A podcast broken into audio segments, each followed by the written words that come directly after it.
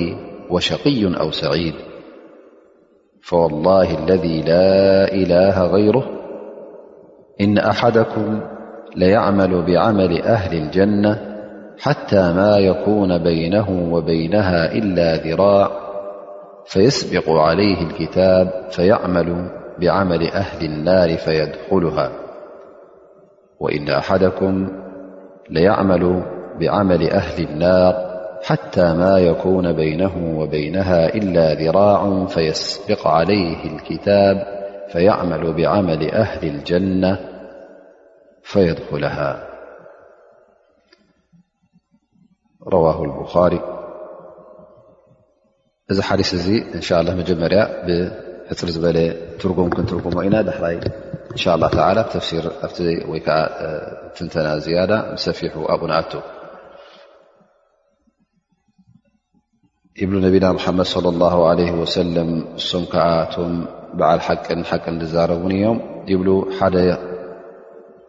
ኹም ማለት ሓደ ካባኹም ማለት ካባካትኩም ደቂ ሰብ ኣብ ማፀን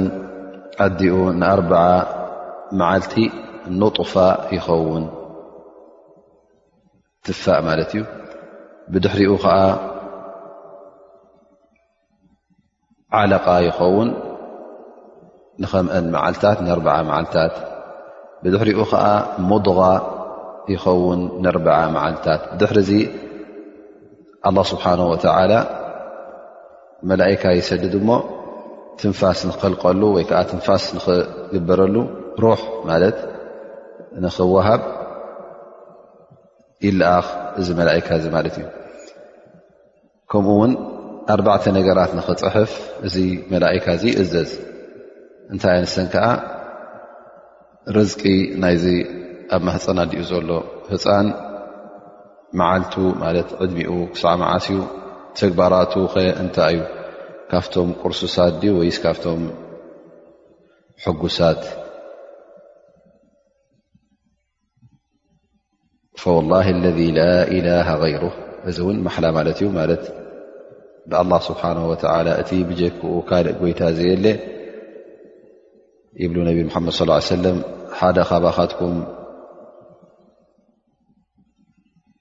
ተግባር ናይ ሰብ ጀና ክገብር ፀኒሑ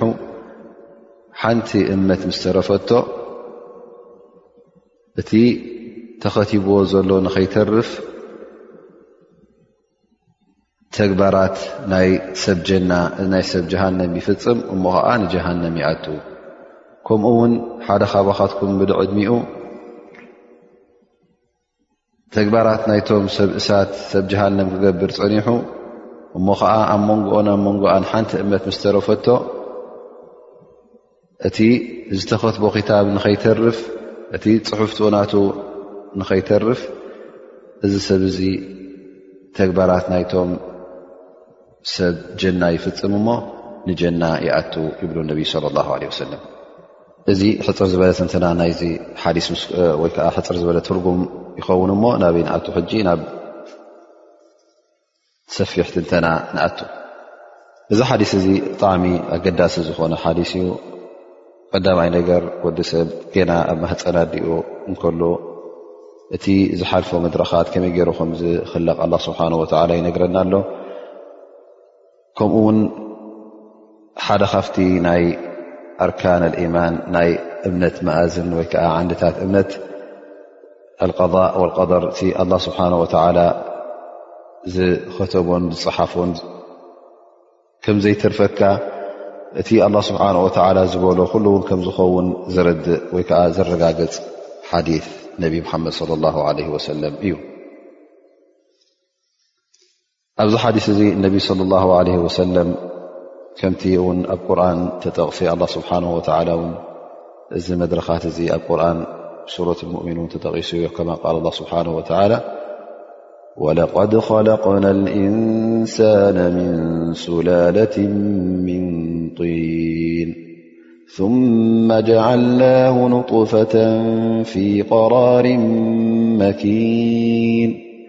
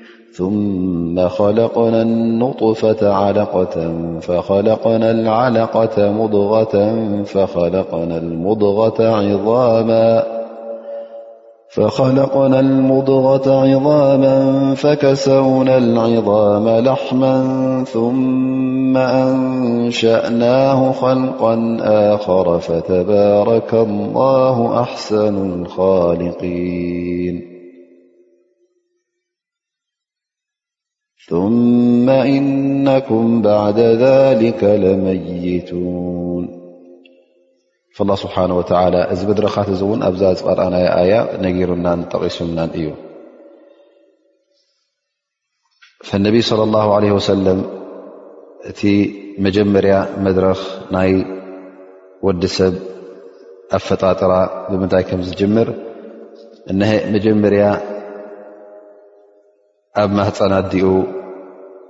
ንኣርብዓ መዓልቲ ኑጥፋ ከም ዝኸውን እዚ ቀዳማይ መድረኽ ከም ምኳኑ ወኑጥፋ ክበሃል እንከሎ ከዓ እቲ ዘርኢ ተባዕታይ ጌና ፈሳሲ እንከሎ ማለት እዩ ከም ማይ ከም ትፋእ ጌና እንከሎ ማለት እዩ እዚ ሕጂ ንርብዓ መዓልቲ ይቕፅል እሞ ድሕሪኡ ካልእ ፍጥረት ይኸውን እሱ ከዓ እቲ ካልኣይ መድረኽ ወህዋ ዓለቃ ዓለቃ እንታይ ማለት እዩ ርጋእ ደም ርጋእ ደም ሊል ወይ ከዓ ረጒድ ርጋእ ደም ማለት እዩ እዚ እውን ክደይ መዓልቲ ይቕፅል ይብል ነቢ ስ ሰለም ንርበዓ መዓልቲ ይቕፅል ثመ ብድሕሪኡ ድማ እንታይ ይኸውን ሙድغ ይኸውን ሙغ ክበሃል ከሎ ሕያኽ ማለት እዩ እቲ ኣብዚ ሓዲስ እዚ እውን ዘድሊ ማለት ወይ ትርጉም ናይ ሙድغ ማለት ከም ስጋ ኮይና ክንዲ ሕያኽ ትኸውን ማለት እዩ ጣ ም ለሓም ልክዕ ንስጋ ይልወጥ ማለት ትርጋእ ደም ዝነበረ ንስጋ ይልወጥ ስጋ ከዓ ክንዲ ምንታይ ይኸውን እዛ ስጋ እዚኣ ክንዲ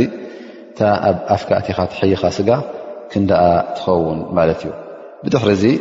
ድሕሪ ኣርዓ መዓልቲ ድማ ኣላ ስብሓን ወተላ ድሕሪ ትን ዕስራን ኩለን ሕጂ ክንደይ ኮይነ ማተ ሰለስተ መድረኻት ትን ዕስራን መዓልቲ ኣብ ሙቕ ኣርዓ መዓልቲ ምሰእከለ ኩለን ኣርዓ ሰለስተ ሻ ትን ዕስራን መዓልቲ ይኾና ሽዑ እዚ ህፃን እዚ ኣብ ከርሲ ኣዲኡ ሩሕ ይክፍጠረሉ ማለት እዩ ኣላ ስብሓን ወተላ መላእካ ሰዲዱ ነዚ ህፃን እዚ ሩሕ ይሰክዓሉ ማለት እዩ ትንፋስ ወይ ሩሕ ይሰክዓሉ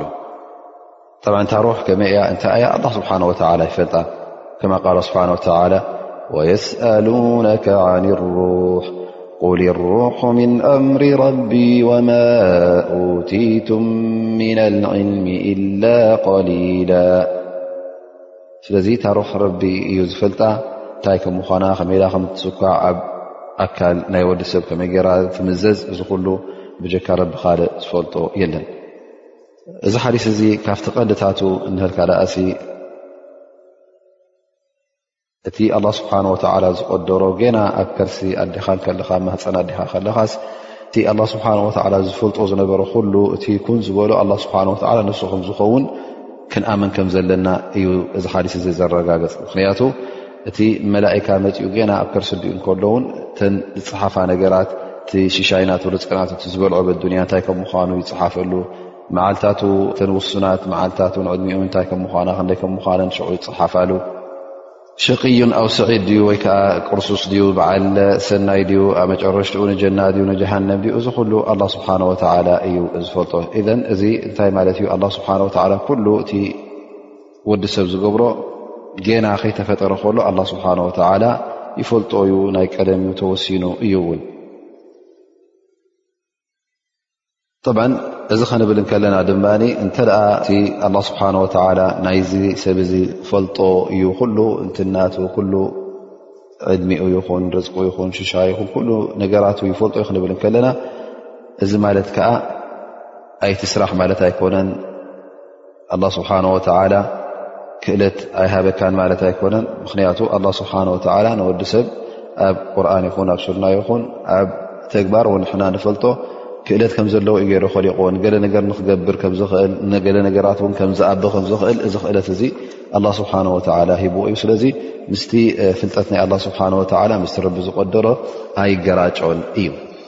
ምክንያቱ ገለ ሰባት እዚ ጉዳይ እዚ ተገራጨወ ይመስሎም ግን ተገራጨወ ኣይኮነን ኣላ ስብሓን ወተላ ወሲንዎን ፈሊጥዎን ንስኻ እውን ኣላ ስብሓን ወተላ እንታይ ሂቡካ እዩ እቲ ክእለት ሂቡካ እዩ ደረጃ ናይ ክእለት እውን ውሱን ክእለት እዩ ትኽእለትካ ግን ኣለካ ከምኡ ውን እዚ ሓሊስ እዚ ዘረጋግፆ እንተዳርእና እንታይ እዩ እቲ ኣብ መጨረሻ ዕድሜኻ ትገብሮ ስራሓት ወሳኒ ከም ዝኾነ ወይ ንጀና ወይ ንጀሃንም ይኣትወካ ከም ዝኾነ ገለ ሰባት ምሉእ ዕድሚኦም ኣብ ሰናይ ፀኒሖም ኣብ መጨረሻ ዕድሚኦም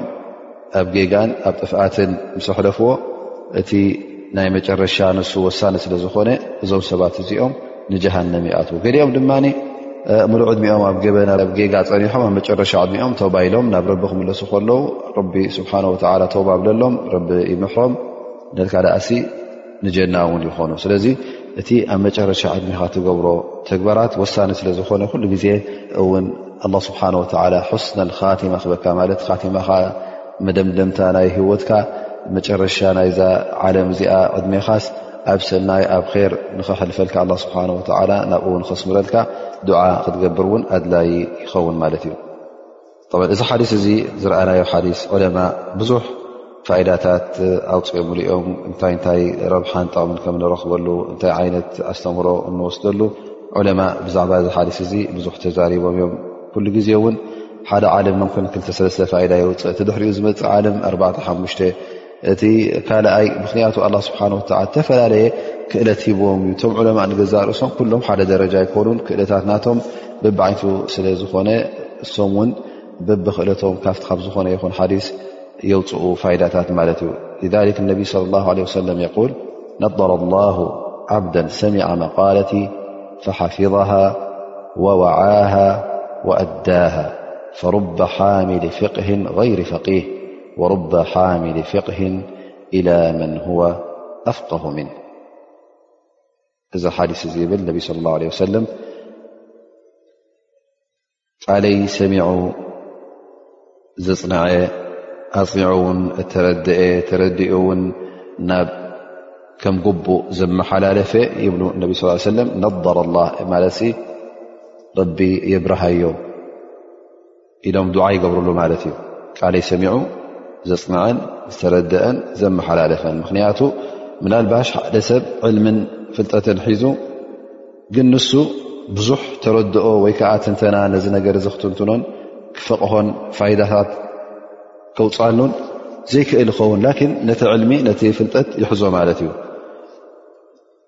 ምኽንያቱ እስኻ ውን ይብሉ ነቢ ስ ወረባ ሓሚል ፍቕህን ኢላ መን ዋ ኣፍቀህ ም እስኻ ሕጂ እታ ዝሰማዕካያ እቶም ዝሰምዑዋ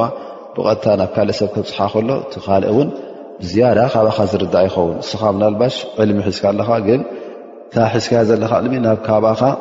ዝያዳ ዝፈልጥ ዝያዳ ክትንትንን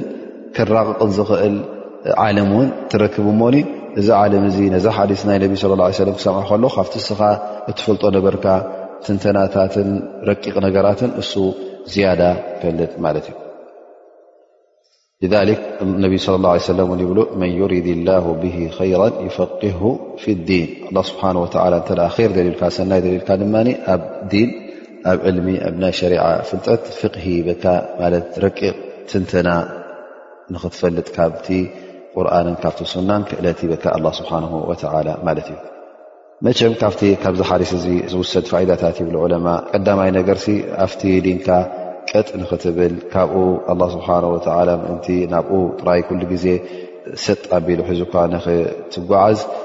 እዚ ኩሉ ግዜ ዱዓ ከም ዘድልየካ እዚ ሓዲስ እዚ ርኢና ማለት እዩ ነቢ ስለ ላ ለ ሰለም ኣብ ስጁዶም ይኹን ድዓኦም ኩሉ ግዜ ያ ሙቀሊበ ልቁሉብ ሰቢት ቁሉበና ዓላ ዲነካ እንታ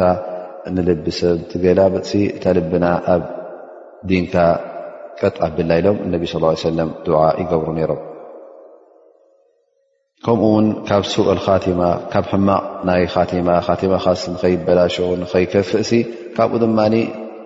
እስትዓዛ ክትገብር ኣለካ ኣዑ ብላ ን ሱእል ቲማ ክትብል ኣለካ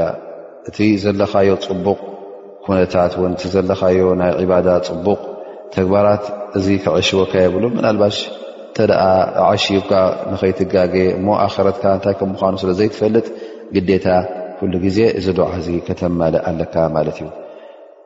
እቲ ሰናይ ተግባር ኩሉ ግዜ ሰበብ ንጀናን እዩ ዝእቱ እቲ ሕማቕ ተግባራትካ ድማ እሱኢቲ ቀንዲ ጠንቂ ወይ ንጀና ወይ ንጀሃንም ዝወስደካ በዓል ሰናይ እተ ኮንካ ንጀና ትኸይድ በዓል እከይ እተ ኮንካ ውን ንጀሃንም ይወስደካ ማለት እዩ እዚ ሓዲስ እዚ እንታይ ይርኢና ኣላ ስብሓን ወተላ ንሓደ ሰብሲ ካብ ምንታይ ካብ ንእሽተይ ነገር ካብ ቀላል ነገር ካብ ትፋእ ትመስል ነገርሲ በቢ ደረጃ እናገበረ ከመይ ገይሩ ኣላ ስብሓ ወላ ወዲ ሰብ ኣብ ናይ መድረኽ ወዲ ሰብ ኣብፅሕዎ ኣእምሮን ፍልጠትን ሂብዎ እዚ ኩሉ ክብረት ሂብዎ እዚ ክትርዳእ እንከለካ ሕጂ እንታይ ካ ክትገብር ዘለካ ንኣላ ስብሓን ወተዓላ ከተመስግና ኣለካ ማለት እዩ ንኣላ ስብሓን ወተዓላ ክትምእዘዝ ኣለካ እንታይነትካ ፈሊጥካ ማለት እዩ ስለዚ እዚ ካብዚ ትሑት ነገር ጀሚሩ ኣላ ስብሓን ወተዓላ ከሊቑካ እሞኒ ሕጂ ኣብዚ መድረኽ እዚ ናይ ክብርን ናይ ፍልጠትን ናይ ዕልምን ኣብፅሑካ ግዴታ ከተመስግን እዩ ዝግብኣካ ንኣላ ስብሓን ወተዓላ ከምኡ እውን ካብቲ ፋይዳ ንወስዶ እቲ ናይ ወዲ ሰብ ሓደ ሰብ ንጀና ድዩ ክኣቱ ንጀሃንም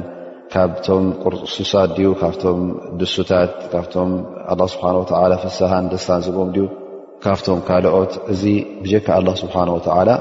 ዝፈልጦ የለን ካብቲ ፋይዳ ንወስዶ ካብዚ ሓዲስ እውን ሓደ ሰብ እንተ ንገለ ነገር ከረጋገፅ ኮይኑ ርግፅ ንዝርጉፅ ነገር ብማሓላ እውን የረጋገፅ ኣኑ ነቢ ለ ላ ለ ወሰለም ኣብዚ ሓዲስ እዚ ነቲ ነገር ንክረጋግፁ ኢሎም ምሒሎም ማለት እዩ ስለዚ እንተ ፈወለዲ ነፍሲ ብየድ ኢልካ ክትምል ኮይንካ ንዝኾነ ተረጋግፆ ዝሓሰብካ ነገር ተረጋግፆ ማለት እዩ ካብቲ ፋይዳ ንወስዶ እውን ንህልካ ደኣሲ ሓደ ሰብ እቲ ዝወስዶ ርዝቅን ሽሻይን ኩሉ ግዜ ሸበድበድ ከብለካ ወይ ከዓ ከሻቅለካ የብሉን እንታይ እቲ ኣላ ስብሓን ወላ ዝኸተበልካ ርዝቂ ኣይሓልፈካን እዩ እስኻ ሰበብ ትገብር ጠቂ ትገብር ትንቀሳቀስ ግን እስኻ ተንቀሳቂስካ እቲ ካልኣይ ሳለሳይ ተንቀሳቂሱ ግዴታ ኣይኮነ ኩለኹም ሓንቲ ዓይነት ርዝቂ ክትረኽቡ ወላ ሓንቲ ዓይነት ምንቅስቃስ ተንቀሳቀሱ ምክንያቱ ኣላ ስብሓን ወተላ ይወሲኖ ኩሉ ድማ ነናቱ ርዝቂ ዝወስድ ነናቱ ሽሻይ ዝወስድ ምእንቲ ርዝቂ ንከይሓልፈካ ኢልካ ዲንካ ክትሸይጥ ወይ ከዓ ረቢ ዘይፈት ስራሓት ክትሰርሕ ከተጠፋፍእ ብማሕላም ብካልእን ጌርካ ምእንቲ ኣዱንያ ዲንካ ከተበላሹ እዚ ኣየድልን እዩ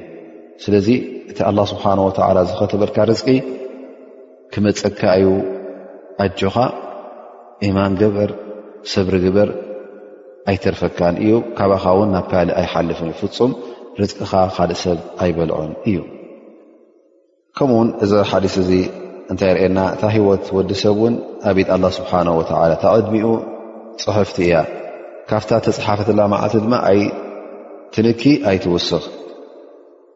ስለዚ ካብ ሞት ፍርሃት ዝበሃል ሰ ክስምዓካ የብሉን ምክንያቱ ኣብዘይ መዓልቲ ካይትምውትን ኢኻ እታ ንፅያ ድማ ክትክልክላ ኣይትኽእልን ኢኻ እዎ ባዕልኻ ፍጥካ ነብስኻ ኣብ ሞት ዘናቑት ወይ ከዓ ኣብ ሞት ዘውድቕ ከተውድቓ የብልካ ትሕልዋ ኣለካ ግን ሞት ኩሉ ግዜ ኣብ ኢድ ኣላ ስብሓን ወተላ እያ ኣብ ኢድ ዝኾነ ፍጡር ኣይኮነትን ካብቲ ካብዚ ሓዲስ እዚ ንወስዶ እውን ተግባራት ወዲ ሰብ ሰናይ ይኹን እከ ይኹን ምልክት ናይ መገዲ ጀና ምሓዙን ናይ መገዲ ጀሃንም ምሓዙን እዩ ዘርእየና ምክንያቱ እዚ ከም ምልክት ዩ ዳኣ እምበር ግዴታ ኣይኮነን ሓደ ሰብ እንተ ኣብ ኣዱንያ እከይገብር ነይሩ እዚ መጨረሽትኡ ንጀሃንም ክትብሎ ይትኽእል ኢኻ ምክንያቱ መጨረሻ ምክን ቶባ ይብል ይኸውን ካብቲ ዝዎ ዝነበረ መንገዲ እውን ካብኡ ይቁጠብ ይኸውን ስለዚ እዚ ከም ምልክት ዩ ዳኣ እምበር ወሳኒ ናይ መጨረሻ ኣይኮነን እዚ ክንርዳእ ኣለና ኣላ ስብሓን ወተዓላ እውን ዝምሕሮን ዝገድፎን ብዙሕ ዘንብታት ስለ ዘሎ ከም ምልክት ኢኻ ትወስዶ ድኣ እምበር እቲ ኣላ ስብሓን ወተዓላ ዝገብሮ ባዕሉ ይፈልጦ ካብቲ ካብዚ ሓዲስ እዚው ንወስዶ ፋይዳ እውን ኣላ ስብሓን ወተዓላ ንወዲ ሰብ ካብዚ ትፋእ ዝመስል ፈሳሲ ፍረ ተባዕታይ ካብኡ ዝኮለቆስ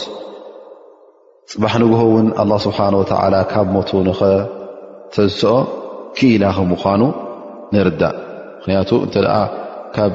ባዶ ኣላ ስብሓን ወተዓላ ኸሊቑካ እሞ ከም እንደገና ንክምእትሰካ ይቐልል ስለዚ እዚ እውን እዚ ሓዲስ እዚ እውን ነዚ ነጥቢ እዚ የረዳእና ማለት እዩ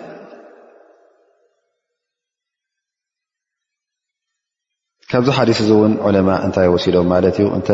ህፃን ወዲ ማለት ገና ኣብ ከርሰድኡ ከሎ ዕድሚኡ ኣርባዕተ ወርሒ ምስ ኮነ እተ በርዒኑ ማለት እጅሃድ እተ ኮይኑ ምዉት ማለት ካብ ማህፀን ኣዲኡ እንተ ወፅኡ ሩሕ ተኸሊቃቶ ስለ ዝነበረ ድሕሪ ኣርባዕተ ወርሒ ዕድሚትን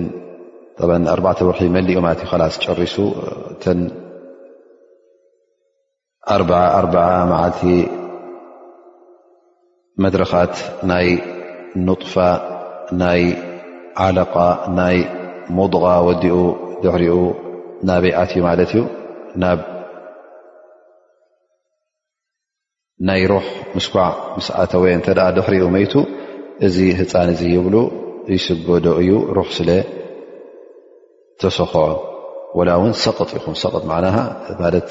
ደርዒኑ ዝወድቕ ዝወፅእ ማለት እዩ ገለ ዑለማ እውን ካብዚ ሓዲስ እዚ ዝወሰድዎ እውን እንተ ደኣ ህፃን ሩሕ ዘይተኸለቑ ኮይኑ ቅድሚ ሩሕ ምኽላቑ እውን እዛ ሰብ እዚኣ ኣዲኡ ገለ ሽግራት እንተ ዘጓንፍ ኣለ ኮይኑ እቲ ምጥናስ ሽግር ከምፃላ እተ ኮይኑ ቅድሚ ኣርባዕተ ወርሒ ማለት ቅድሚ ዕሚትን እስራን መዓልቲ ኣዲኡ ክትሰዶ ይፍቀድ እዩ ወይ ከዓ እዚ ህፃን እዚ እዚ ዕሸል እዚ ኣብ ከርሲ ዲኡ ዘሎ እንትሰደደቶ ኣብ ሸርዒ እዚ ይፍቀድ እዩ ዝበሉ ዕለማ ኣለው ማለት እዩ ምክንያቱ ገና ሩሕ ስለ ዘይተኸለቁ ግን ስቁኢልካ ክኸውን የብሉን እንታይ ደኣ ቅቡል ምኽኒት ሸሪዓዊ ምኽኒት እንተደኣ ኣሎ ይብሉ ዕለማ